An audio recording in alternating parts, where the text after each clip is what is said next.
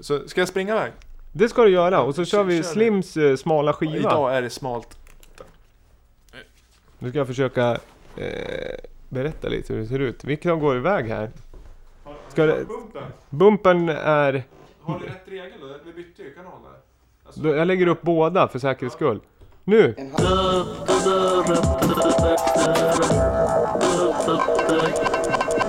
En handelsman ägde en åsna.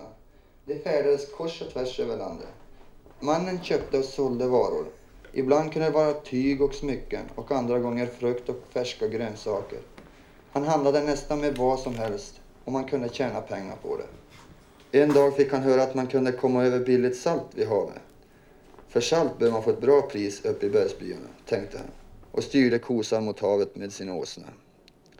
Saltet var verkligen mycket billigt, så mannen köpte många säckar och lastade den på åsnans rygg. Allt gick väl tills det kom till en trångt klipppass i bergen. Genom passet flöt en djup flod. När mannen ledde åsnan längs den hala klippavsatsen förlorade åsnan plötsligt fotfäste och halkade ner i floden.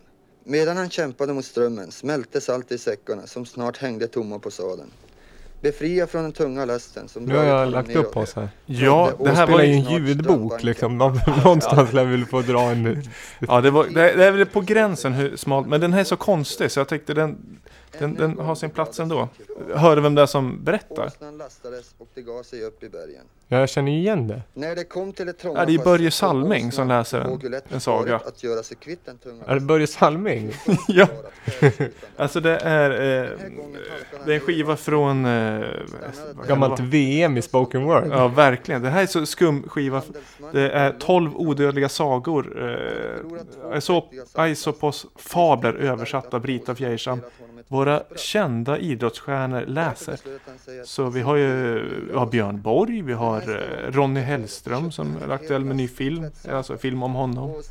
Eh, Ingmar Stenmark läser Hunden och benet. Frank Andersson känd från ja, diverse Ja. reklam. Som en ve- känd mest för en eh, utflykt till Las Vegas va, egentligen. Vad, det vad sa han där? Ja. Det, Börje jag, jag, ska, jag lovar att det ska vara mer musik framöver. Men jag tyckte den här var, den var smal i sammanhanget. Ja, den är mycket smal, men den var ju fin alltså. Ja, alltså det är 12 ju, odödliga sagor.